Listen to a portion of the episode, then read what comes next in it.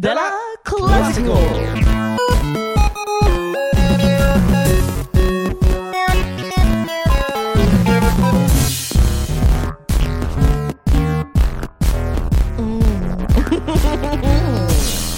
Della Classico! Ja, så har det blivit dags för den här eh, grejen då, Della Classico, som man har valt att kalla det. Della Classico, Della Classico, eller vad man nu befinner sig i världen och hur man uttalar saker. Och vad är det här för konstigheter? Vad är det här för nytt? Kanske en del undrar. Ja, det kan säga att det är som ett litet magasin, som en kavalkad, som det är liksom gamla klipp som har röstats fram i någon form av eh, demokratisk process som jag inte alls har någon insyn i. Och sen ska, det är repriser helt enkelt då, som ska liksom spelas upp och så kommer jag då att fungera som en form av sammanlänkande shit liksom emellan de här så att det liksom framstår så att det blir som ett riktigt så här radioprogram nästan. Ja. Eh, och vem är jag då? Kanske en del undrar. Eh, tycker att det är lite jobbigt med en ny röst sådär, nya grejer. Eh, Thomas Högblom heter jag. Och jag är väl någon form av, vad ska man säga, lite entertainer, lite så entreprenör, entreprenör helt enkelt. Och som jag håller på med lite av varje. Eh, Sådana eh, skojgrejer och sådär. Och eh, jag vet, många vet ju inte alls vem jag är, så jag tänker att jag ska väl, och det kanske känns motbjudande för många med liksom en ny röst och sådär. Eh, och man, uh, det här vill vi inte ha. Men jag ska då göra mitt bästa att, att liksom försöka presentera. Jag ska använda det här forumet till att presentera mig själv riktigt, riktigt ordentligt. Och mellan varven så får ni lyssna på de här gamla sköna grejerna. Du lyssnar på Della Classic. Jonathan, jag, säger, jag frågar dig direkt bara. Har det hänt något sen, sen vi såg sist? Ja, jag har varit i, på Mallorca. Mm. Uh, Igen väl? Nej, ja, jo, jag var ju där med mamma och min syster någon gång på 90-talet. och det var det det du menar? Men var du inte på Mallorca för då var, jag på, då var jag på Sandving Alcudia. Nej, men... uh, och det var ett jättestort komplex. Och de hade, det var så stort som var en egen radio. Men det här är en ganska kul historia. Uh, och då kunde man ringa till den radion och önska en låt om man fyllde år. Det var ju så himla många människor så det var alltid någon. Och så, hade, och så sa han så här, nu har vi fått ett meddelande från Pelle som fyller sju år och han älskar, önskar sig Bad av Michael Jackson. Nu har inte vi Bad av Michael Jackson, men vi har Potsman Patt som är hyfsat lik Bad av Michael Jackson. Så vi spelar den. Sen visade det sig ganska snabbt att de hade bara Portsmouth Pat. och signaturmelodin, ja, det är faktiskt himla kul. Ja. Men du frågar inte vad som har hänt sedan 91? Jo, jo, precis. Så är det. Förlåt. Förlåt, jag ber jättemycket om ursäkt. Eh, eh, mor fyller 70, bjuder sina nära och kära, kära på en semester på Mallorca. Och du är en av de nära och, och det är jag. Mm. Är det favoriten skulle jag säga. Lyssna inte på det här Jossan. Du vet om det. Eh, och det är min syster. Och då i alla fall så skulle jag och mitt barn då åka 06.15 gick flyget från, från Köpenhamn. Mm. Mm. Man hör här hur ja. det börjar. Ja, nu börjar historien. När vaknar jag? När vaknar jag? 05.00 med ett ryck. Ångest du. Supermycket ångest. Shit och jävlar! Taxin jag beställt tidigare, den har ju dragit. Helvete! Men, men, stopp, är det för sent med fem? Det är en och en halv timme tills flyget går. Ja, du ska I vara... Köpenhamn. Ah, Okej, okay. du ska vara på flygplatsen fem. Förlåt, det lät så himla god Jag måste ringa en, eh, en taxi. Äh, den har jag ju glömt i Stockholm.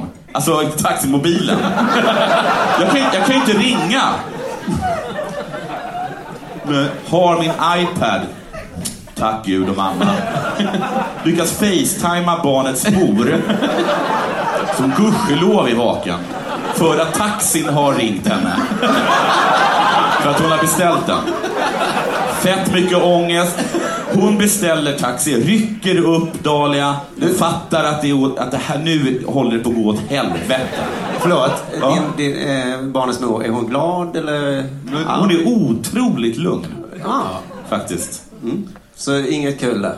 Nej, inget kul där. Nej. inget kul där. Mycket annat. Springer ner, kvart över i klockan nu. Fem. T kvart över fem. Mm. Taxin är där. Hoppar in i den. Uh, vi åker iväg. Kvart i är vi på Kastrup. Jag vet att det kostar typ 1200 kronor. Nej, jag gjorde inte. Det kostade... Jag åkte 23, 23, 23. Så det kostade 800 ungefär. Då så. Då så. Okej. Hoppar ur. Nej, men vad tror du? Hans jävla betalningsgrej funkar inte. Håller på och startar om den två gånger. Och du bara- sju minuter. Jag ska till Mallis. Jag ska till Mallis. Ja. Jag, jag funderar jättemycket på att dra. Men gör inte det, stanna kvar i alla fall. Vi springer, eh, frågar någon så här, jag, först jag tar någon och bara, du, nu, har, nu har det gått åt helvete här. Allt är mitt, allt är mitt fel, skriker jag. För jag vill eh, få mitt barn att förstå att det är viktigt att ta ansvar. Eh, eh, eh hjälp, hjälp mig, nu, nu håller det på att skita sig. Och, och, och, och hon frågar vart jag ska och hon säger, jaha men det här är fel terminal. Det är terminal 2, du ska till terminal 3. Tar upp lilltjejen, kutar så fort jag kan. Du knatar i ditt fall va? Jag knatar. Orkar inte bära den hela vägen. Hon får gå.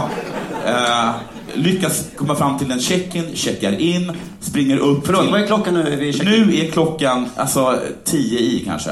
Fem, nej, fem i sex. Springer fram upp till de här... Får du kommentarer då att du är sen? Eller det? Nej, nej, bara liksom positiva. Kom igen. bara sånt. Heja. För de har två lägen nämligen. Antingen säger de så här, en underdog. nej, nej, nej. Eller säger de, kom. Vilken härlig människa. Vi, ibland hyr de en sån här liten bil inne på flygplatsen. Eller hyr, de, de fixar en bil. Ja, Ja. Men du fick ingen bil? jag fick inte det. Nej. Springer upp för trappan, springer till säkerhetskontrollen, springer fram till säkerhetskontrollen och säger nu går det åt helvete här. Jag- Jag måste gå förbi Alda. Eh, Och de bara, absolut, och typ bara vinkar igenom mig. Du behöver inte visa vad du har i Jo, tygpåsarna. men typ knappt. Du hade ingen eh, fjäderbatong. Ång, var superstressad, ångrade att jag inte hade ett kilo koks på mig. Som man gör. Som man gör, springer dit och exakt 06.00 så är vi vid gaten. Klarar det. Succé. Succé. Vad har du lärt dig? Det här har hänt mig massa gånger. Och varenda gång så har jag fått en känsla av oövervinnlighet och att Gud på riktigt eh, ser, ser, liksom, ser efter mig. Att Gud på riktigt har mig som sin utvalda idiot. Liksom. Men Den här killen, han, jag ska hjälpa honom. Men Gud glömde ställa väckarklockan just den här morgonen. eller? Vad sa du? Gud glömde ställa Jag var ju väckarklockan. uppe till 04.00 Spelade datorn. och nästan och spelade Hearthstone. Alltså, jag var ju liksom supertrött. Ja. Jag tror att flygbolagen har en särskild sån eh, check-in för sådana som dig. Hearthstone-spelare checkar in här. Ja. Men, det det, här är var, liksom- det här var liksom första gången det inte kändes kul på något sätt. Nej. Jag känner att jag börjar bli lite gammal. Men det kändes som liksom partajversionen av ditt liv det här. Att det För om, hade- om Partaj skulle göra en, en sketch om mitt liv. så hade den varit så här. Ja. Vad sa Dahlia under den här tiden? Var hon glad? Nej, hon var inte så glad. Nej. Men hon hade väl också försovit sig? Egentligen. Jo, Okej. Det var, var du klar där? Ja. Du, ja, vad som Ja. händer under, eh, under själva Mallorca-resan, det får vi ta ja. i nästa avsnitt. Ja, det var väldigt... Vad långt det var. När jag fyllde 40 år, då hade jag som en, eller en fest, kan man säga, en bjud, eller det var på, liksom på ett uteställe. Och då hade jag som en sån här skojig eh, tipspromenad där folk skulle svara på frågor om mig och eh, då för, för att liksom se hur mycket de känner mig och sådär. Och det var ju lite på skoj. Jag tänkte jag kan ju dra den här i, nu, så att, av samma syfte helt enkelt, så att ni får veta lite mer om mig. Och då var det så här, fråga nummer ett. På vilken gata bodde Thomas först när han flyttade till Malmö? Där jag bor nu. Och det är 1 Södra Förstadsgatan, kryss Kristianstadsgatan 2, Hässleholmsgatan. Och här trodde ju många att det var eh, Södra Förstadsgatan. De var helt säkra. Men det var, det var en sån här slamkrypare. Kristianstadsgatan var det. Mm. Fråga nummer två. Eh, vilken ansiktsbehåring hade Thomas innan han skaffade helskägg? 1. Ingen alls. Kryss pipskägg. 2. Polisonger. Rätt svar 2. Polisonger. hade polisonger innan eh, för att jag tyckte det var Jag vet inte varför jag hade det egentligen. Men det var väl någon sån där ungdom, ungdomligt oförstånd helt enkelt. Eh, fråga nummer tre. Eh, var hade Thomas sin första prao? 1. En past- pastorsexpeditionen. Kryss. En fabrik som tillverkar träbearbetningsverktyg såsom träspiralborrar och centrumborrar. Ställbara träborrar, eh, skruvmejslar, stämjärn, svarvjärn samt nitstansar. 2. En sybehörsaffär. Rätt svar här det var en eh, sybehörsaffär. Det var jag på Svanströms i Eskilstuna inne på. Jag var det är ju inte alls att jag var intresserad av eh, sybehör och så här, men den låg den butiken låg i en ganska cool sån här galleria som heter 21 Jag vet inte om den gör det fortfarande. Och den var jättehäftig på den tiden. Man liksom, man kunde, alla ungdomar gick runt, runt där. Och en viktig sak när man gick runt på 21 där, det var att man gick åt eh, liksom med, medsols, eller motsols skulle man gå. Eller vad fan var det? Med, motsols. Eh, gick man medsols så gick man eh, liksom bögvarvet kallas det för. Jag vet inte vad som hände om man gick där. Eh, sen, jag, har ju praktiserat, jag har ju praoat på de andra ställena också. Jag, eh, pastorsexpedition, baka såna kokostoppar till småbarn och be till Gud. Och eh, den här fabriken, det var något ställe, ja, en fabrik som tillverkar träbearbetningsverktyg såsom träspiralborrar, centrumborrar, ställbara träborrar, skruvmejslar, stämjärn, svarvjärn samt nitstansar. Det var också i Eskilstuna, det var som, där jag satt med några finska tanter på ett lager och eh, packade bor, borrar och sånt där. Ja, vi går vidare. Okej, är du redo på att få höra varför män och kvinnor inte kan simma ihop? Ja. Varför det måste råda könsapartheid i Vansbro? Ja, tack. Nej, men det har ju varit Vansbro nu, simmet. Ja, det har redan varit. Det är ju en del av en svensk klassiker. Ja, ja, Det är det det är, ja. Det har, det har Sport aldrig pratat om. Det Vilka måste... är de andra? Det är Vasaloppet och Vättern runt, Vänern runt? Jag kan inte alls det här, men Nej, det låter ju som en superspännande grej som vi borde testa. Eh, absolut inte, Nej, säger jag. nej, det, nej, det låter såklart inte. fruktansvärt, tycker jag. Eh, tre kilometers simning i Mm. öppet vatten. Usch. Och det blev Ivan Sitic från Kroatien. Ja, så. Han vann före svenskhoppet Simon Vanna. Ja. En intensiv duell i 3000 meter och Sitic vann med knapp marginal. Vet vi att han inte bara är en andra generationens invandrare? Eh, I så fall uttryckte de sig klumpigt på de sportnyheter jag läste. Ja. Men Vanna var rasande efter loppet. Han menar att kroaten hade dragit honom i benet till 400 meter från målet. Nej. Fy. Om det är sant, fy fan. Om det inte är Ja. sant också, fy fan. Om det är sant. Hade Sitic dragit Vanna i benet? Oj. Men, men kanske, det, kanske ingår det. Jag kan ju så lite om den här Kanske sporten. ingår det. Sitic svarade så här. Jag är en internationell, professionell, öppet vattensimmare.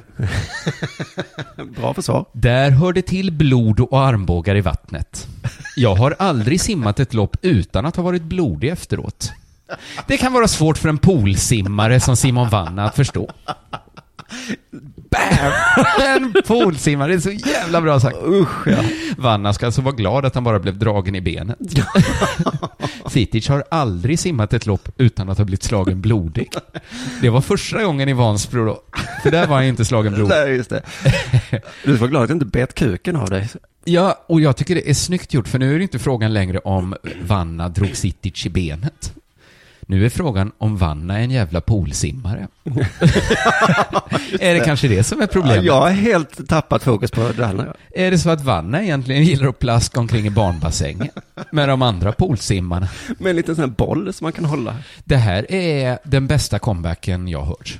Verkligen. Alltså det är det bästa nedsättande tillmälet jag har hört också. Ja, jag, jag, jag har aldrig hört begreppet poolsimma, men jag vill inte vara det. Håll käft din jävla poolsimmare. Vad svarar Vanna på det här då? Hur kontrar man på detta? Usch ja.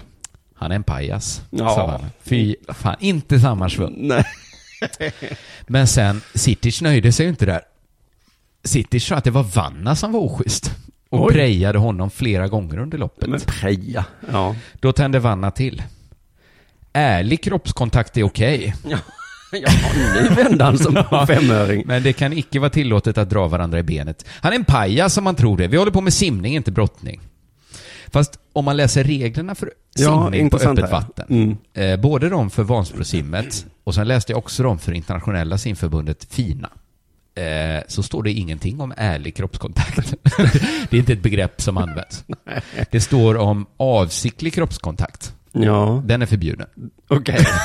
Så att det spelar ingen roll hur, ä, vad nu, vad menar Vanna med att han var ärlig? vad menar han? Nej, i fotboll finns det här att man får axel mot axel eller någonting. Ja, men precis. Men här är, det här, i simning så är det, det är ingen kontaktsport. Nej. Även vad Sitic och Vanna säger. Båda har fel. Både ha, vi har, Man får inte armbåga varandra i ansiktet som man blöder. Man får inte heller ha ärlig kroppskontakt. Kanske borde man gå igenom reglerna innan de hoppar i plurret. Jag tror det, men reglerna är... Jag skulle inte säga att de var luddiga, men de var ändå hyfsat luddiga. Okej. Det var mycket så här... Eh, de flesta regler var så här. Om domaren ser någon som bryter mot reglerna så ska han få en varning. det var svårt att hitta liksom vad regelbrottet Ja. var. Eh, men Vanna lämnar in en protest. Precis, men det går, ju inte menar för en domare att se allt som händer ute på öppet vatten. Det var det som Tord Hände, eh, Hederskog sa, tävlingsledare. Han sa vi kan inte döma något som vi inte sett under vattnet. Och det är sån himla otur att simning sker under vattnet. Ja. Precis där domaren inte kan se. Ska vi ha en regelbok? Ja, men det är väl klart. Jag har inte mycket glädje av den, för att det sker ju under vattnet. What's happened under vattnet, det vet vi. Ja. Det stannar under vattnet. Det är så himla synd att så mycket sker där man inte kan se. ja. Framförallt för framtiden. För det här läste jag, 20-årige Simon Vanna säger att han lär sig mycket av den här Åh händelsen. nej, precis som IFK Göteborg nu. Exakt. Om Ivan Sitic nästa år kommer tillbaks till Vansbrosimningen, vilket jag verkligen hoppas, kommer jag köra över honom i vattnet helt efter hans egna regler. Då tänker han inte uppträda som någon jävla poolsimmare. Då blir det armbågar och blod, precis som Sitic vill ha det, Hoppas du är nöjd nu. fast under vattnet då, så inte domarna ser såklart. Publiken borde ju för fan ta på sig våtdräkter och hänga under vattnet. Vilken jävla publik... Eh, det skulle kunna vara. hade varit sådär kul tror jag. om man bara simmar runt med så här Du vet att vattnet är 12 grader också. eh, dykarutrustning. och så ser man. Ja, men dom, någon, kanske någon sorts kamera kanske de skulle ha. Ja, det är väl är det omöjligt då? Kamera under vattnet tror jag inte funkar i och för sig. Nej, den skulle bli blöt. Ja. den skulle gå sönder Ja, det direkt. tror jag. Det tror jag. Della Classico! Vi går vidare med den här äh, lära känna Thomas Högblom lite bättre tipspromenaden som äh, jag hade på min äh, 40-årsfest. Och vi har kommit till fråga fyra. Den låter så här. 1993, nej förlåt, här. 1992 till 1993 sysslade Thomas med närradio i Eskilstuna. Vad hette hans program? 1. Swing, kryss, fusion. 2. Bebop. Och rätt svar eh, ska vara bebop. Bebop. Och då kanske en del tror att jag är någon sån här jazzkille, men inte alls. Utan det här, jag spelade mest sån här indie popmusik i det här programmet. Och jag vet inte alls vad jag pratar om. Det är som nu ungefär, jag pratar om ingenting.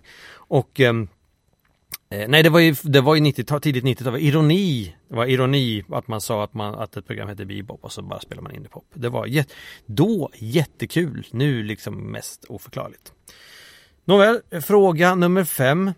När Thomas var 15 så 1. Blonderade han håret. Kryss permanentade han håret. 2. Rakade han av halva håret. Ja, och här återigen många som hade svarat fel eh, på den här festen. Rätt svar ska vara kryss, permanentade håret. Permanentade. Det var så här att jag gillar ju hårdrock eh, på den tiden, gör det fortfarande eh, inom rimliga gränser. Och eh, då var det så här att jag hade ganska långt hår, men jag fick ju inte riktigt ha riktigt långt hår för mina föräldrar. Och jag var ju så på den tiden, då kanske, det var ju så att man kanske lydde sina föräldrar. Så, så det, var, det blev som en kompromiss. Jag hade ju väldigt långt hår bak till och sådär.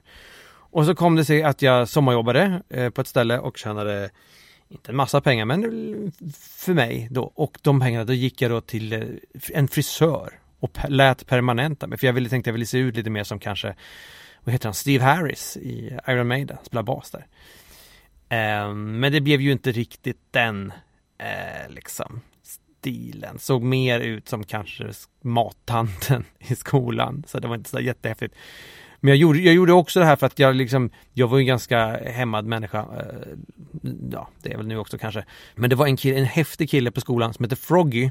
Och han hade liksom också eh, permanentat sig. Och han, Froggy, han var jättehäftig. Han, hade, han lyssnade på hiphop.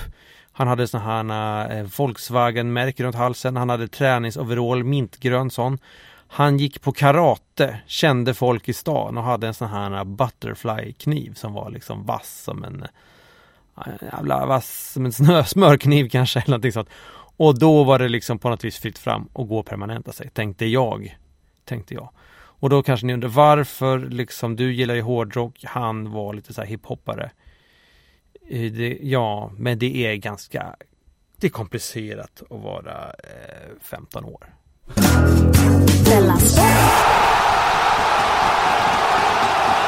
det går inte bra för Helsingborg i Allsvenskan. Det gör det inte. Det gör ju inte det. Det glädjer mig för att jag tycker inte så mycket om Henrik Larsson. Ah, då kommer du älska eh, det jag har att säga här. Ja. Sportbladets Johan Flink intervjuade Henrik Larsson, Okej. som är tränare då, Ja. kanske alla vet, Ja. eh, om det här att det inte går så himla bra. Mm. Och det blev, skulle jag säga, en fantastisk intervju. Ja, vad härligt. Eh, för jag skulle säga, jag kanske inte hatar Henrik Larsson då som du gör. Nej, Men jag tycker att han är så väldigt, väldigt underlig. Mm, okej. Att, att jag förstår, eller jag tänker att det kanske inte finns någon som förstår Henrik Larsson. Nej. Och den här intervjun kände jag, den kunde ha varit skriven av Samuel Beckett. Om man ska slänga sig med en litterär referens. Det blir absurdism. Ja, men för jag, nu inte, jag kan inte säga att jag vet exakt hur I väntan på Godot är, för jag inte har sett den. Nej, jag har sett läst den några gånger till och med. Men jag, jag googlade upp ett, ett typiskt replikskifte. Och det är ungefär så här, eller det är så här då. Så där är det nu igen. Är jag? Jag är glad att se dig tillbaka. Jag trodde du var borta för alltid. Jag med. Är det Ravelli? Det är den här ganska då absurdistiska, Ja. förvirrade prosan. Och här spelar då Johan Flink rollen som Vladimir och Henke Larsson gör en perfekt estragon. Ja, härligt. Men det vill jag bara säga för att, vad heter det, I väntan på Godot Ja. är som en, alltså det är två timmars lång eh, sån här crazy humor-sketch. Ja, det är det jag tänkte. Det är det som Ja. hållit mig ifrån den. Att Ja. det ska vara så bara. Ja. Ja. Så här är det nu igen. Ja. Hej, ja. Detta var också en crazy sketch. Hur mår du som manager? Det skulle du vilja veta. ja. det är därför jag frågar. Tystnad. För i väntan på Godot är också känd för sina exakta regianvisningar. Ja, just och det, den här. Ja. transkriberingen var också full med tystnad. Och du svarar. Jag står i denna position och tar allt jag bara kan på mina axlar och lite till. Och så låter jag det rinna av mig. Rinner det av dig då? Ja, det finns ingen anledning att läsa det ni skriver. Ni har era åsikter och jag har mina. Jag syftar på ert tabelläge. du, gör den, du gör den perfekt. Tycker du det? Ja, de talar exakt så. Okej, du menar så. Klart man inte vill vara där vi är. Man vill vara högre upp än så. Det var den tanken vi hade när vi gick in i säsongen. Påverkar sist... Den här är lite lång, men jag tog med den för det blir intressant. Ja. Påverkar sitt humör? Kan du njuta av att se eh, typ en film eller ligga och kolla på TV? Jag är ganska bra på att koppla av. Klarar du inte det... Punkt, punkt, punkt. Även om fotbollen är nästan allt i mitt liv så måste det finnas andrum i alltihop. I den här trepoängsvärlden vi lever i. Tyckte jag var intressant att ha med att han ser den här världen som en trepoängsvärld som vi lever i. Och det tycker jag att jag hittar, både andningsrum och avlastningssamtal. Jag tänker bara mig för när jag säger... Jag tänker, mig bara, tänker bara mig för vad jag säger nu med tanke på vilka rubriker det kan bli. Eh, Så vill jag inte bjuda på det ordet du söker. Jag söker inget ord. Jo, det gör vi allihopa.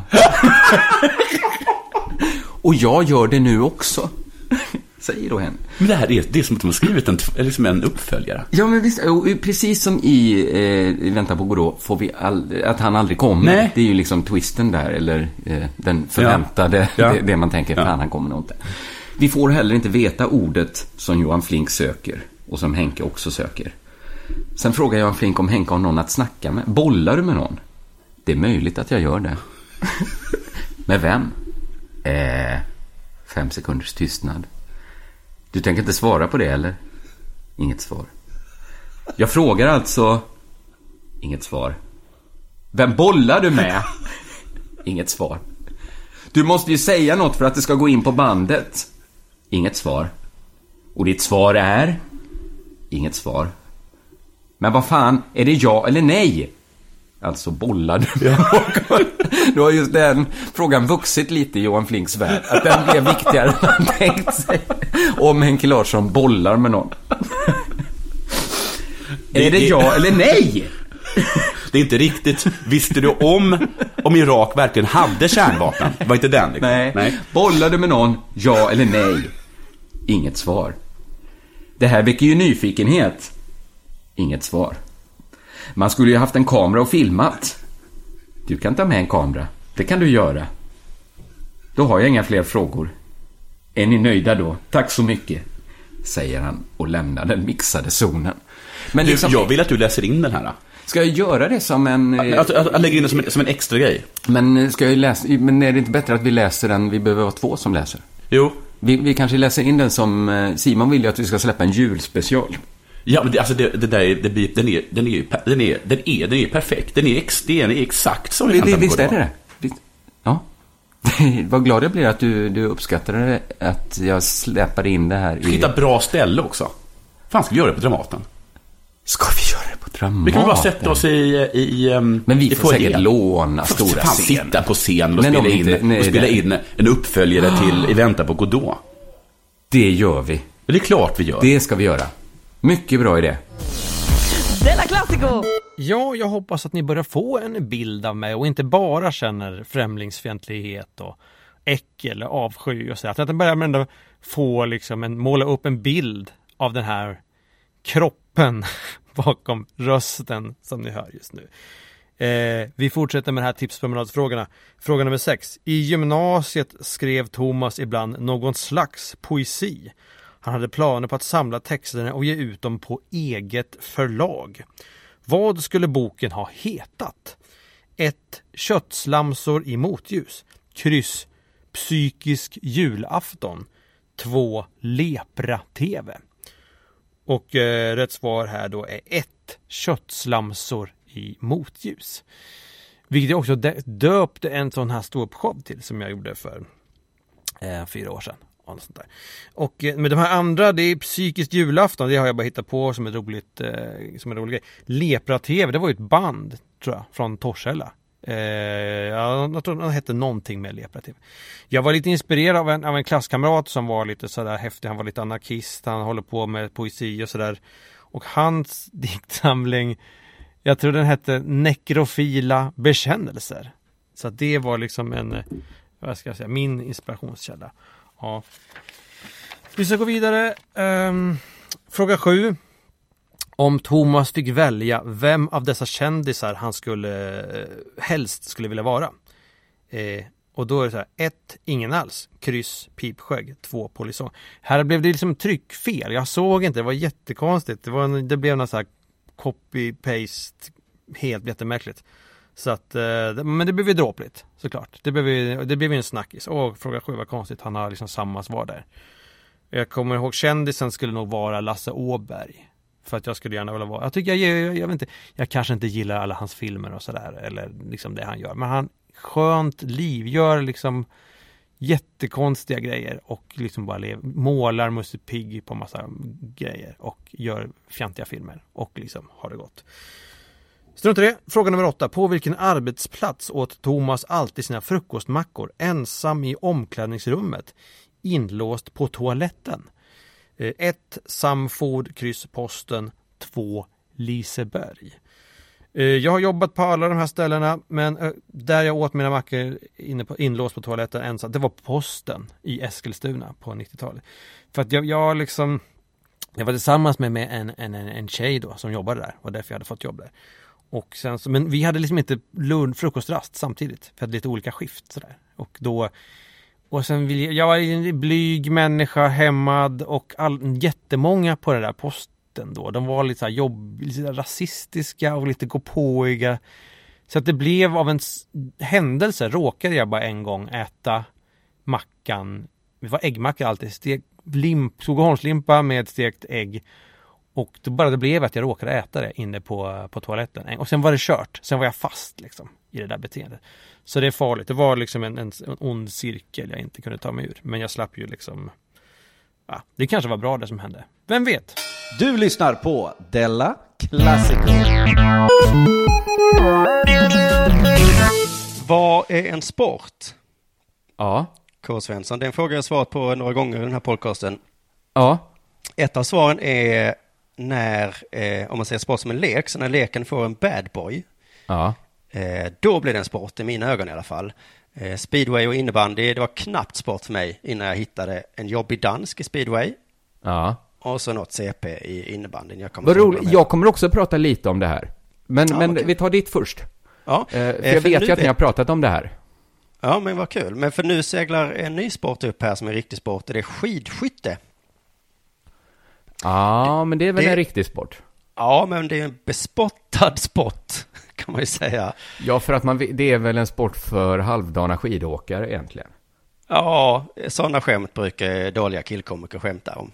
Vad är det ja, för konst? nej, men är det så mycket ett skämt? Är det inte som med Bob ungefär? Att eh, om man kan, för snabbt kan lära sig en sport som Ludmila Häggkvist gjorde, så, så är det ett underbetyg för sporten i alla fall. Ja, eh, det är ett utifrån perspektiv då. Jag tänker mig de som håller på med det säger säkert någon form av heder. Alltså jag fattar inte heller riktigt sporten, men eh, det är ju konstigt. Skjuta gevär och åka skidor. Det hade Det lika är- gärna kunnat legat ett hopprep när de kommer fram. Och så ska Ja. man hoppa liksom hundra hopp ut och så missar man, då får man en bom. Jag tänker Det- att det är någon slags krigsblinkning. Det känns eh, första världskriget. Ja, det är känns som man ska åka liksom. med en stav ungefär. Så Om man är jagad så stannar man upp, skjuter några ryssar, sen fortsätter man. Eh, eller något Mot i den mål. I alla fall, Ja. nu finns det en skidskyttare som är hatad. Aha. Här får du rubriken. Skidskyttevärldens mest hatade åkare. Mm. Vad nyfiken man blir du. Ja, det är jag faktiskt. För jag Är kan det som- ingen. Nej, Är det, är, det, är det Magda? Annars? nej, kanske Björn Ferry. Ringer det en klocka? Jag visste inte att han var, jag trodde han var sprintare. Ja, det kanske han var. Nu börjar alla eh, hata oss så vi släpper det direkt. Men kanske Mm. är den här eh, hatade åkaren eh, som Northug kanske. En kaxig jävel som alltid vinner, trycker in i det. ansiktet på de andra. Eller är det som den danske speedwayföraren som jämt småfuskar och skyller ifrån sig, beter sig allmänt fittigt? Hatar den jäveln. Eller är det mer som Diego Costa som alla hatar för att han är lite ful? Jag känner inte till Diego Costa. Spelar i Chelsea, spelar fult också. Men jag tror det är mest eh, att alla hatar honom för att han Men är... nu lämnade du vintersport liksom och bara tog en snubbe som många tycker illa om. Ja, men jag undrar om eh, det är något av de här tre exemplen som är skidskytte Ja, okej. då är. Ja. Men nej, nej, nej. Redan i ingressen så vänds förhoppningarna på ända. Så här står det. En japan har ofrivilligt skapat debatt i skidskyttevärlden. Finns det japanska skidskytt? Ja, så, Ja, det är såklart det. att det finns. Och rubriken var alltså den mest hatade åkaren. Och så visade det sig att det är en, en stackars japan som ofrivilligt har blivit hatad. Men eh, du har mig på hal- håller mig på halster. Vad har han Ja, gjort? vad har han gjort ja. Ja. Ja, det, för tydligen så är, jag finner, om, om vi stannar upp lite, vi får sluta hata den här japanen för att det var inte meningen. Var, Nej, bara där har han, är jag en förlåten i mina ögon. Ja, och även om det är pyttelite meningen, Ja. så kan jag tänka mig förlåta. Ja, för att det är från Japan, det är lite kul att han är med överhuvudtaget. Precis. Eh, och det är eh, skidskytte som jag inte bryr mig så mycket om. Nej, men tydligen så är det Ryssland och Tyskland som är de stora nationerna inom skidskytte. Mm. Så den här krigsmetaforen är inte helt fel. Det är vinterkrig mellan ryssarna och tyskarna. Var inte vinterkriget mellan uh, ryssarna och finnarna? Bara, nu petar jag. Jaha, men nu, du säger vinterkrig get. Jag tänker mer att Ja, eh, Du utspelas tänker det på krig, ett krig och det är vinter. och det är vinter, ja. Och det är du, Ryssland och Tyskland. du tänker dig att det har funnits ett krig i världshistorien som var på vintern. Och det Mm. var... Då var det antagligen mellan ryssarna och tyskarna. Det tänker jag ju inte eftersom jag vet att det var mellan finnarna och tyskarna. Men, ja, just det. Och sen så, eh, eftersom det heter vinterkriget så kan det inte ha funnits fler krig på vintern. Då var det väl på våren antagligen. Inställt på grund av nederbörd. Nej, men nu är det för kallt, eh, va? Folk kan dö! ja. Men lite så, då gav väl, eh, när det var sådana krig förr i tiden så slutar man väl på julafton? Vet du vad jag inte tror på? Nej. Den historien. Nej. Att de gick upp i skyttegravarna och bytte tändare med varandra och sånt. Och, och spela fotboll och sånt där? Jag tror inte på det. Nej, Och sen gick ner och började peppra varandra igen. det låter... Det är bara en det krävs som, som liksom tänker så här, men vi är väl här för att vinna. Men du, viralgranskaren, vi kan hålla den historien eh, Förlåt, levande. förlåt, för att, det är en vacker bild. Ja, det är en vacker bild. Ja. Eh, I alla fall, eh, eh, det var lite sorgligt bara när jag såg deras namn. För det är alltså Simon Kemp och Anton Chipulin. Vackra namn. Ja, Simon och Anton, två klassiskt svenska namn. Mm. Hade kunnat vara vi på toppen av den här sporten. Ja, Men nu är det, olika. ja, nu är det tyskar och ryssar i alla fall. De får ju vara bra på något. Ja. Vi är ju bra på, eh, vi har ju, eh, Eh, vi har Jämst- U21. Ja, Fotboll. och jämställdhet har vi lite, Ja. va? Och, och allemansrätten har Zlatan. vi. och Mm, så då får de eh, skidskytte. Vi? Jerringpriset. Det, det, det, det får de jävlarna inte. Kan han glömma. Ska vi se vad som händer nu? Nu läser jag här ur Ja. tidningen. På sista sträckan slogs Simon Kemp och Anton Chipulin om segern hela vägen fram till upploppet. Men i sista kurvan blev Tyskland kanske snuvade på segern av en japansk åkare. Yuki Nakajima åkte mitt i spåret och var på väg att bli varvad när Kemp och Chipulin, alltså Anton och Simon då, kom i full fart. Men finns Japan- det... Ja, förlåt. Finns det? Färdigt. Jag menar, finns det en oskriven regel om att man ska flytta på sig? Att man Ja, det liksom... kommer vi till här. Ja, förlåt. Japanen tittade över axeln och såg åkarna. Ja. Eh, Och trots att publiken ropade så flyttade han inte på sig. Och då här har vi alltså en idrottare som inte följde publikens råd. Det hör man inte Nej. så ofta i, i sportreferat annars. Det är också en idrottare som inte ger upp. Ja, Alltså, han tänker ju så här, varför ska jag flytta på mig? Jag ju fortfarande chans. Det är ju ingen som gått i mål. Jag kan fortfarande vinna det här. Ja, Det ska han ha skit för. de kan varva mig nu. Eller så dör de och så bara kommer jag vinna. Det är som en fotbollsspelare som inte lägger av i 80 minuten när det står 3-0. Så här, vad fan ska jag fortsätta spela för? Ja, det här är intressant, men vänta lite. Jag tänker det är lite kul där att det togs upp att trots att publiken skrek så Ja. följde han inte det rådet. Det skulle roligt om det stod i andra sportreferat. Trots att publiken bad domaren dra åt helvete så stannade han kvar på planen. Ja. Trots publikens uppmaningen om att låta den skadade spelaren dö så kom det in sjukpersonal. Trots en skrikande pöbel så fortsatte han. Ja. Publiken skanderade ut med packet, men eh, packet stannade kvar. Ja. I alla fall, Kemp eh, stoppades upp och tvingades kliva tillbaka i spåret och kunde aldrig utmana sin konkurrent på upploppet. Eh, på något sätt här nu då så har japanen blivit hatad för att han ska fan flytta på sig, tycker alla. Alltså Eh, det här, det är sån råhet i det här. Ja, det är en perfekt analogi med skolan, tycker jag. Ska vi låta de som är sämre stanna upp för de som är bra? Nej, Ja. va? De ska vi hata i så fall, din jävla dyslektikerjävel. Men detta är ju nästan på nivå, ska vi låta de som är dåliga på gympa liksom vara plintarna? Eller ska de bra eleverna, ska de bra eleverna få äta de dåliga eleverna? Ja, det är på den nivån. Men Men ha högre krav på vilka som får spela skidskytte i så fall. Ja, de diskuterar det här nu, hur fan ska vi göra med de här pissdåliga som är med i VM? Finns det en kvot att Japan måste få skicka minst en? Ja, så är det ju säkert. Stryp Men den det- kvoten. Ja, vi skiter i Japan. Men jag tyckte din idé var annars ganska bra. De kämpar ju in i slutet. Det var ju bra, japanen. Och sen är det också, eh, alltså det är lite som i fotboll, för det som jag förstod det så var det två, eller, eh, vad heter det, åkare som kom här. En japan i vägen. Den Ja. ena åkaren kom förbi, den andra gjorde det inte riktigt. Nej, varför inte se japaner som naturliga hinder? Exakt. Det I fotboll så säger de alltid så här, ja, vi ska inte skylla på underlaget, för det är samma för båda lagen. Men det var väldigt dåligt underlag, det var därför vi förlorade. Exakt. Vi ska inte Det- skylla på japanen, för han var det- i vägen för Det båda. är lika jobbigt att gå åt sidan för en japan, för en ryss, som för en eh, tysk. Så är det. Det är ingen skillnad mellan folk. Förutom Nej. japaner då som är sämre på att åka skidor. Eh, sk- eh, skjuta i alla fall. Skjuta. Och Mm. det är koordinationen det brister i kanske. Jag tycker resten av världen borde lära sig den här retoriken. Till exempel politiska partier. Det regnade på valdagen. Mm. Jag vet att det är samma för alla, men det var därför vi förlorade. Så att så är det ju. Alkohol är så himla tillgängligt. Jag vet att det är Ja. samma för alla, men det var, så, Ja. det var därför. Men nu var det jag som blev full. Sport. Då börjar vi komma till slutet på den här väldigt spännande eh, tipspromenaden helt enkelt. Vi har kommit fram till fråga nummer nio. Eh, hade Thomas en lycklig barndom? Eh, svarsalternativ 1 ja, kryss mitt emellan 2 nej.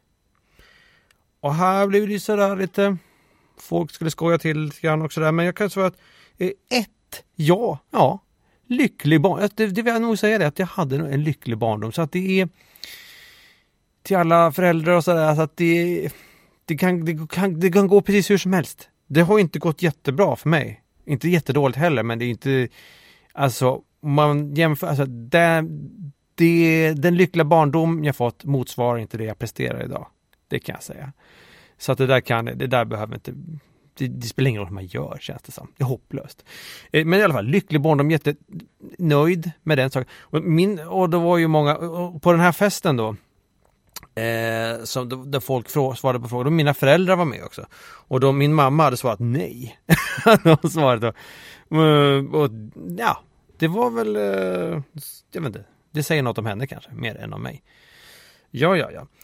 Eh, det, jo, men det är för att man har dåligt samvete för precis vad som helst. Vad man än gör så har man liksom, är man aldrig nöjd, känns det som. Inte i min familj i alla fall. Eh, sista frågan och det var som en slags utslagsfråga. Kan man säga. Eller var en utslagsfråga. Ifall det skulle liksom, det skulle vara jämnt. Och då är utslag, utslagsfrågan, den är så här. Hur många? Punkt, punkt, punkt, frågetecken. Lite kom, man skojar till det så här. Jag hade tänkt mig att ni kanske, att jag hade någon burk med Ja, det kan vara ekollon eller golfbollar eller eller skumbananer. och någonting. Skulle man räkna liksom hur många det var? Nej, det hade jag inte. Det var bara så här, hur många och så tänkte jag, då tänkte jag att man kanske folk, det fick, nu får ni fritt, nu får ni lite fri spelrum, ni behöver inte skriva ett, kryss två, utan ni kan liksom författa vad ni, låt fantasin spela. Men det var ju som ing, ingen fattade någonting. Så det blev liksom ingen som svarade. De gick och letade kanske efter en sån här burk med ekollon och var helt förvirrade. Så att där, um, ja, det blev inget, jag, jag kommer inte ihåg vem som vann heller där. Jo, jag tror att det kan ha varit Kristoffer Svensson. K. Svensson. Eh, Kringland. Ah, Jag, jag, jag tror, och han, jag hade en, en trisslott tror jag han vann. Eller om det var godis eller något sånt där. Ehm, ja, så var det. Ja. Jag hoppas att, jag vet inte vad det ska leda det här riktigt. Ja, vi går vidare. Bra, bra säger jag. Eh, Jag får väl ta upp det faktum att eh, boxaren eh, Muhammad Ali är död. Jag hörde det.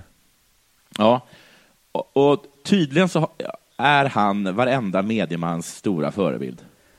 Ja, Jag tror inte att det finns en enda krönikör i vilket område av journalistiken de än har som inte har skrivit en personlig krönika om hur mycket Muhammad Ali eh, betydde för dem. Och i, i vitt skilda eh, åldrar, så åldersspannet är enormt. Ja precis. Nyfödd krönikör som död krönikör. Alla älskar, älskar honom. Muhammad Ali var ju också aktiv i en period där boxning var väldigt, eh, liksom lite bevakat medialt i Sverige.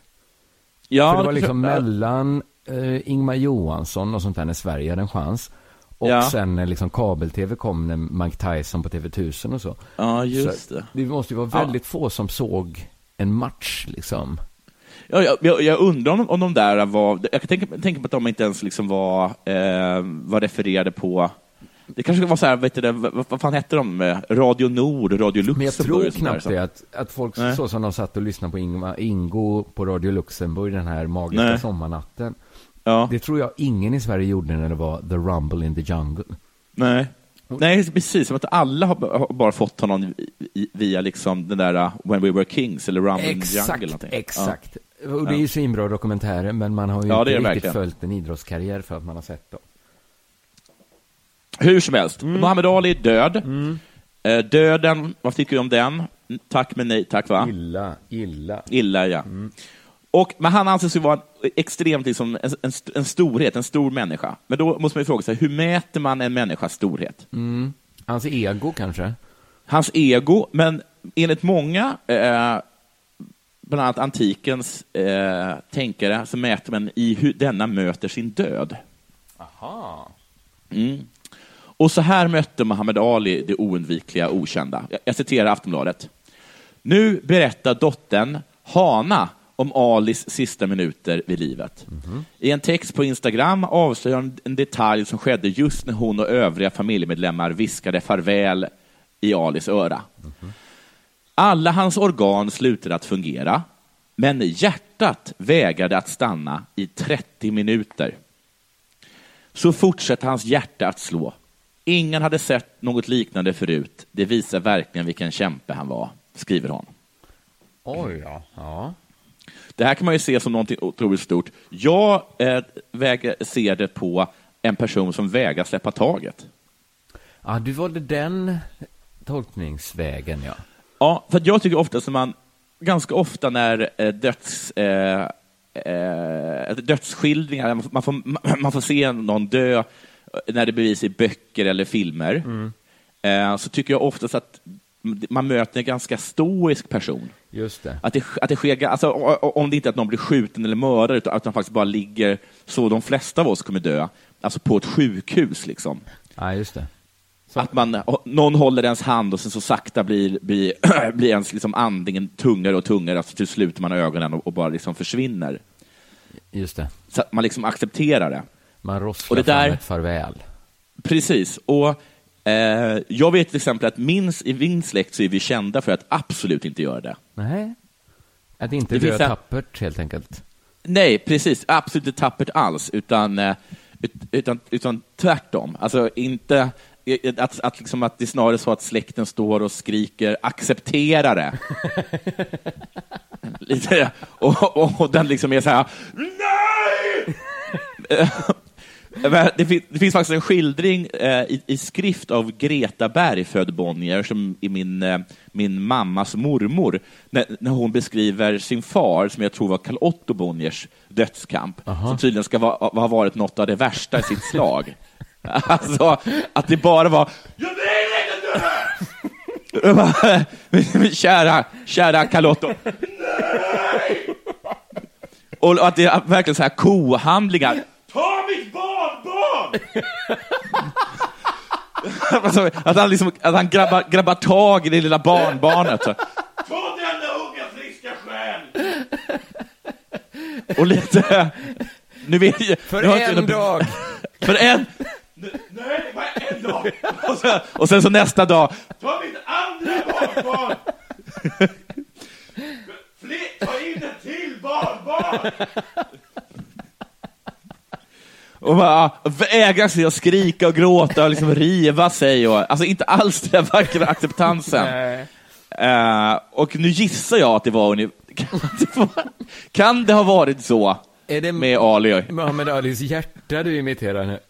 Ja, hjärtat, ja. För hans hjärna har gett upp på Hans grund av hjärta Parkinson. sitter på sängkanten hans- och liksom hans hjärta på bara- sig strumporna så här. Var ska du? Jag ska ut härifrån!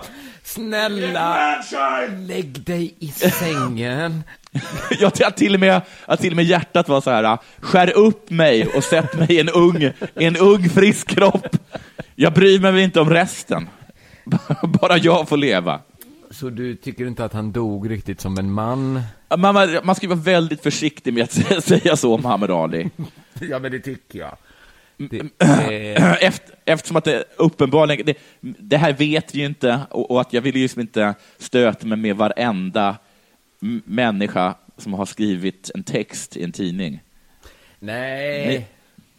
Det, han gjorde ju mycket annat bra också. De har väl fokuserat mer Jag säger, men jag säger bara att man kan, också, man kan också se det så, att det här hjärtat som vägrade stanna i 30 minuter, att det bara inte behövde vara att, Nej, att han var en kämpe, men liksom, jo, men det var kanske något desperat där också. ja precis. Det, För vem vill väl dö? Nej, usch, det vill inte jag, till exempel. Nej, vem vill det? Nej. Men, eh, nej, precis. Så att vi- jag tror säkert att det finns folk som har dött med värdighet, bara ingen i, i, i min närmare, närmare familj eller i min, i min vad heter det, utökade släkt. Nej, all right. Och jag tycker också att det finns något fint i det. Det tycker jag. Ja, men det är väl, Inte det är väl att värdigt, älska livet. men fint. Ja, det är det verkligen. Att liksom inte vilja vara utan det. Så att det Nej. var väl en, en härlig liksom triumf. Livets triumf är inte riktigt Mm. då. Det, Nej, men livets desperata nederlag. Du lyssnar på Della Classico. Ja, och det var ju alla, jag hade ju inga mer sådana frågor på den här eh, tipspromenaden. Men jag hoppas hoppas ni har fått en, en, en heltäckande bild av mig. Och att liksom man känner att ändå, att den här människan kan jag i alla fall hälsa på. Det är, det är inte så att man, ni, jag kommer, ni behöver inte, undvik mig inte istället. Och, och andra kanske har blivit, eh, ja, inte förälskade kanske, men eh, på något vis eh, tänker jag att, nej, men vad fan vilken härlig person, honom skulle jag vilja liksom eh, kanske träffa dagligen under platoniska förhållanden. Kanske som en, ar- jag tänker arbetsgivare, det här är ju just det. Här, jag, det kan jag ju säga nu, att jag är ju sån där som söker jobb hela tiden. Jag får, ju- jag får ju inga, knappt några jobb alls. Eh, sådär. Så att det, jag är ju- så att om det sitter någon sån här arbetsgivare ute nu som tänker det här, fan vilken, eh, vilken stjärna eller vilken tillgång kanske. Vilken, eh, vad, vad bra med en sån här person på jobbet. Så att hör av, jag har ju så här sociala medier och Facebook och allt möjligt så det är bara och mail Thomas utan H, thomas.hogblom eh, at gmail.com och det är den bara så här, kom på måndag eller någonting. Och, jag, och det får vara i Malmö med omnejd, kan jag jobba. Och jag kan lite allt möjligt, jag kan ju hålla på så här och prata och babbla. Om jag, känner- jag kan prata i en telefon, kan vara i en telefonlur till exempel. Jag helst inte sälja liksom, kanske grejer så här, men också kan jag väl skriva saker på en dator och bära to- tunga föremål. Så här, helt meningslösa eh, monotona kroppsarbeten, det funkar också. Inte för förnedrande utan mera det får gärna vara glatt, glad stämning och sådär och lite Men annars är jag öppen för det mesta. Jag kan, så hör av er. Det är ju skäm, ni behöver inte skämmas. Det, jag, jag har ingen liksom stolthet heller längre. Så att eh, jag, jag kommer på, må- jag, inte på måndag kanske, för jag har väl, jag ska väl kanske resa lite och så här, det är sommar och så. Men sen, då jävlar, då, då kör vi. Tillsammans är vi starka. Den stora snackisen efter gårdagens match, alltså den mellan Frankrike och Tyskland, eh, är enligt Aftonbladet Grismans, eh, eller Grismans målgest efter sitt 2-0-mål. Eh, den missade jag. Ja, det, då har du missat den stora snackisen. Ja, det har jag verkligen gjort. Eh, det ser ut som att han med båda händerna formade som två telefoner dansar. Ja, men det sa fan med Anna. Hon sa, här- för Ja. jag satt och chattade lite under matchen. Då sa hon så här, vilken töntig målgest. Ja, det var töntigt. Ja. Vi, vi låter Grisman själv berätta om den omtalade gesten. Det är från en dans från musikvideon till Drakes låt Hotline Bling. Jag började göra den redan i Atletico. Eh, mot Albanien kunde jag inte göra den eftersom känslorna var för starka. Och detsamma gäller för kvitteringen mot Irland. Men på andra målet kommer jag ihåg att göra det, förklarar Grisman på en presskonferens enligt Världens Gang. Så han var liksom lite för glad vid de tidigare, men Ja. mer, mindre glad vid andra gången och hade då kylan att göra den här eh, Jag målgesten. förstår, jag Som förstår. då är den stora snackisen. Ja. Eh, och nu blir det mer informativt än kul. Och Ja. det här är inte den enda målgesten. Det finns ju en hel del målgester. Jo då. Jag kommer nu nämna några. Ja. Då får du tycka och tänka. Fiolen till exempel. Eh, jag, kan, jag kan se den framför mig, men jag kan inte placera in den i... i Kan min- göras på två olika sätt. Att man springer och spelar fiol, eventuellt går ner på knäna och spelar ja. fiol. Ja, just det, just det. Vad vill man symbolisera med den egentligen? Det vet jag inte riktigt. Eh, det, för att det finns varken... All, ingen har någonsin gjort gitarr eller ens trumpet. Nej, och båda de är ju gladare instrument. Fiol är ju mycket liksom ett Ja. sorgeinstrument också. Men är det liksom ett fuck you, att man springer liksom fram till motståndsklacken och så bara börjar man spela fiol? Liksom? Men alltså Är det som att det? göra luftrunken alltså. Jag vet, vet, är inte det konstigt att den inte, att, den, att ingen någonsin har gjort den? Ja, det känns som en sån självklar... Att det, det är mest springa fram och, och så är de tysta liksom. Att, och hyschar med ett finger. Mm. Men vad menar fram man till om man- motståndar, om man- spring fram till motståndarklacken och börjar så här, luftrunka. Men, De skulle bli tokiga. Ja, men jag fattar inte fiolen. I och för sig, gitarren har man väl sett i tennismatcher när de tar tennisracket och liksom Ja. så lirar. Ja. Ab- absolut. Det, där kan man ju tänka på att det är lite upplagt med tanke på hur, eh, eh, tennisrackets form. ja, kan också bli en fiol. Eh, Men tru- ja, jo, men trumpeten fattar inte jag. Att bara gå fram och bara... Du, du, du, nej, nej, det förstår jag inte. Det känns så självklar. Eh, putsa skorna. Jag tror att det var Kenneth Andersson som gjorde den någon gång. Ja, men den har jag sett det här EMet. Har du gjort det? Ja, har jag gjort. Man, det är en går ner på knä och målskytten Ja. sätter sin eh, liksom, fot på knät. Ja. Och så, Och då gissar jag liksom att symbolen är vilken gulddoja han har. ja, den får vi vara rädda om. Ja. Ja, jo, precis. Om man precis har blivit far, när man har gjort ett mål, eh, vilket ju fotbollsspelare alltid tycks precis ha blivit. Ja, är de verkligen. inte extremt eh, fertila? Eh, jo, det kan man väl säga. Ronaldo är inte ens ihop med någon och har ett barn. Jaha. Ja. Alltså, ja, ja, just det. Det är, han, det är, på hans, det det är jätteofta på Instagram att han är med Ja. sin, sin son. Ja. Eh, jag tycker alltid att det är sådär, eh, kommer Kimpa vara med i landskampen eller ska han, eh, ska han stanna hemma och, eh, ifall hans fru föder? Ja, men det är mycket svenska landslaget. Det är ja, inte, precis. det, du, nej, det, det, det är inte så att de landslag. andra ens har det som fråga. Att, kommer han Nej, ta det ut är sina liksom- pappadagar under Champions League-finalen? Men, men visst är det så att inför varje landskap, jag, jag tippar även så här, vänskapslandsmatcher, så är det, är det någon back i Malmö eller någonting som, som eventuellt kan bli far. Ja, men så är det ju. Då Ja, gör man då- vaggan, va? Då gör man vaggan, ja. Det var Bebeto som var först med den, Just tror det, jag. det minns jag. Det minns jag. 94, va? Var det så länge sedan? Ja. Ja. Sen kan man också suga på tummen. Mhm. Eh, och sen så finns det en variant som Campbell i Costa Rica gjorde, det vill säga att han stoppar upp bollen Nej. under tröjan Oh. och bara ”Min tjej är gravid”. här, här skjuts inga, inga lösa skott. Nej. Den hade man också kunnat göra att han sen hade kunnat lagt sig och börjat krysta.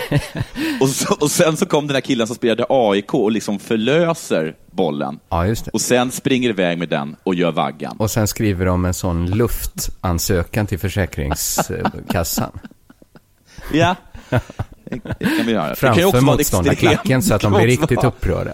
Ja, det kan också vara en extremt liksom, smärtsam förlossning. Att de, Campbell spricker. Att de måste klippa upp tröjan. Ja, det finns så mycket man kan göra. Ja. Han kanske skriver en sån luftdebattartikel till Aftonbladet om att det inte forskas på förlossningsskador. Ja. Och sen är det någon som ska svara på den. Sen är målgesten slut. Ja, precis. det, det. I VM-kvarten mellan Danmark och Brasilien 98 så gör Brian, ja vad är det älskling? Ja, det är lugnt älskling, det kan vi tvätta. Brian Laudrup eh, 2-2. Eh, varpå han lägger sig ner på sidan med huvudet vilandes mot handen, liksom eh, vadå då? Ja, just det. Okej, eh, springa fram till hörnflaggan och boxa till den. Ja, eller dansa som Roger Milla Eller- gjorde. Eller dansa som Roger Milla. Eller som eh, Tobias Sana, ta den och kasta upp den som ett spjut. Ja, just det.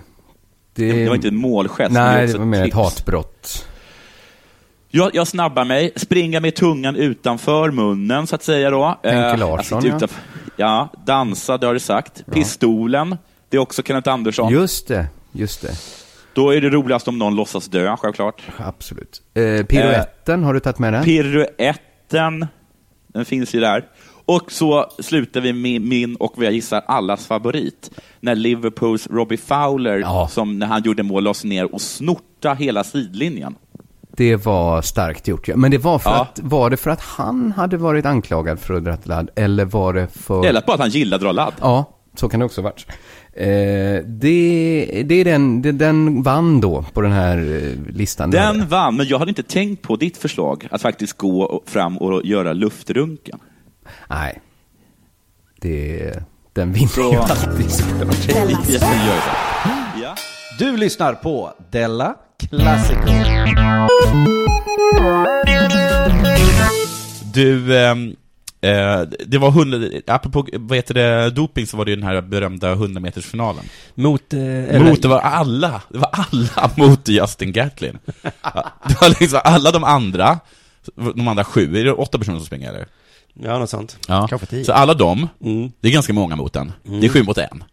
Ja. Sen är det alltså hela publiken, säg att 60 000 personer, Ja. och sen alla i hela världen.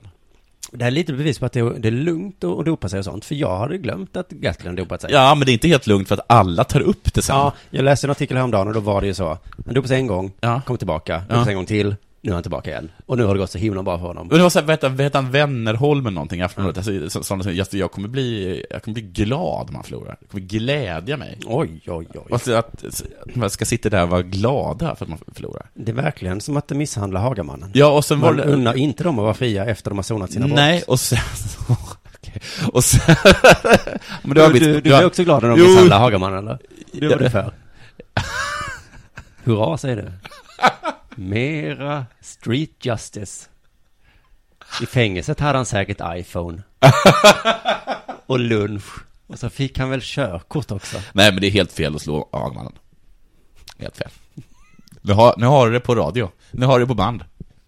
Ja, Ja. din Så, åsikt är alltså. så nu säger så här, Johan, jag tycker att det var rätt att slå Hagmannen. Då kommer jag bara säga, eh, lyssna på det här avsnittet av Ja. Sport. Där tar jag klart och tydligt avstånd från misshandeln på, från Hagamannen. Men, där, men du är på Gatlins sida i det här fallet, Ja, eller? men jag tycker att han var lite mobbad faktiskt. Ja. Att alla var så himla himla emot honom. Och efter att man, man hade vunnit så var, ställde SVT en massa frågor om, fortsatte de om det här? Åh. Då hade han ändå kommit tvåa liksom. Ja. Nåja. Det är liksom som så, Hagamannen går och handlar. Ska du ha någonting mer? Mm. Var det bra så? Eller ska du våldta mig också? ja, men kan man inte bara få köpa ett paket cigg? Jo, jo, visst, här är ett paket cigg. Hur ska göra det helgen då? Bara vet ungefär var du kommer hänga så man slipper. Fast det kan han ta. Ja, ja, och det får Gatlin också ta. Ja, Gatlin också tar det. Nå i alla fall. Eh, Bolt kom etta, Gatlin tvåa, Ja, han kom tvåa ändå. Mm. tror jag. Vem, vem tog bronset då? Jo, det var André de Grasse.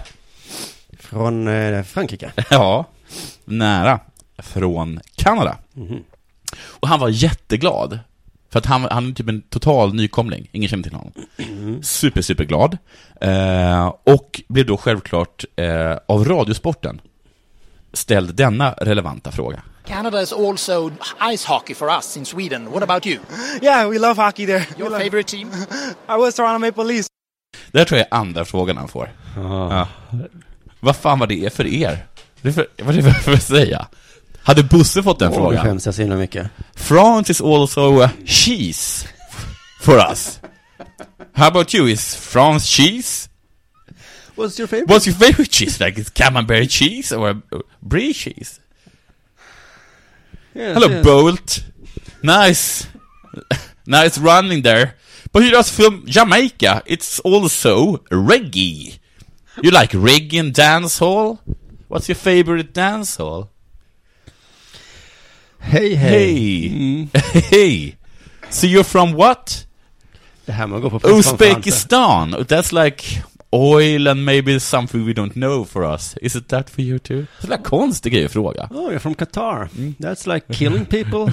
For, us for us? Do you Is like- it for you? Do you, Do, do you Favorite- like killing people? What's your favorite position to kill people in? Nu är inte radiosporten dumma i huvudet. På det sättet att de inte har följdfrågor. Nej, nej. För det har de här.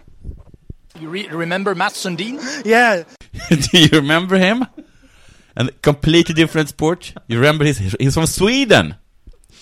You know, Busse, you, we talked about this, uh, that your land is like cheese for us. And then I wonder, you know, uh, prästost? Or priest cheese? It's a really good cheese. Do you remember? Hey, Bolt! We all know that you dig reggae. You know Captain Röd? It's like a really Svenska good... Akademin. really good som är... he's re- You should try him out. Mm. Usch. Oj, oj, oj, jag skäms. Jag börjar gråta här. De kan inte ha haft många sekunder med Holland. Nej, men fy fan, vad att typiskt töntigt svenskt. och Och, komma- dra in Sverige så. Komma trea Ja. i VM. Ja. Och någon börjar fråga så här. Ja. Nej, avgå Radiosporten. Ja. Avgå nu. För jag, uh, usch ja. Men det är klart att eh, man var ju lite intresserad. Ja, det var inte kul att höra att han kände till Mats. Han, hörde, han, kände, han kom Ja, faktiskt ja, ja, han hälsade också. Ja. Och sen var det inte mer än så här, det här var allt det var. Det kanske, ja vi vet inte heller, kanske var det för långt, det för pladdrigt, det kanske var för, eh, för hackigt, för ryckigt eller det gick för snabbt, det kanske var för mycket så här eh, blipp-blopp, lite så MTV, snabba klipp. Vi vet inte. det, det, det återstår att se. Jag har i alla fall haft ganska trevligt. Och jag hoppas ni har haft det också. För nu är det slut det här för, allra första avsnittet av Della Classico.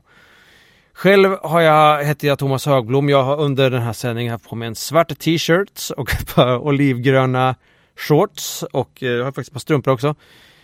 Eh, och ett par kalsonger av okänd eh, kulör och jag vet inte vad, jag, jag kan inte titta just nu. De kanske är svarta de också, jag vet inte. Eh, jag hoppas att ni har det bekvämt. Och Niklas Runsten och jag, det är vi som har liksom, på något vis, han klipper och klistrar och grejer och sköter allt sånt här eh, så att det blir ett program. Och eh, vi hoppas det blir fler.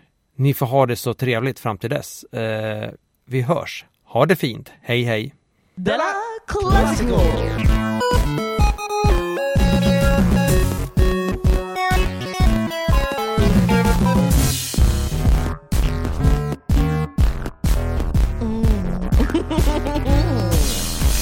Della Classico!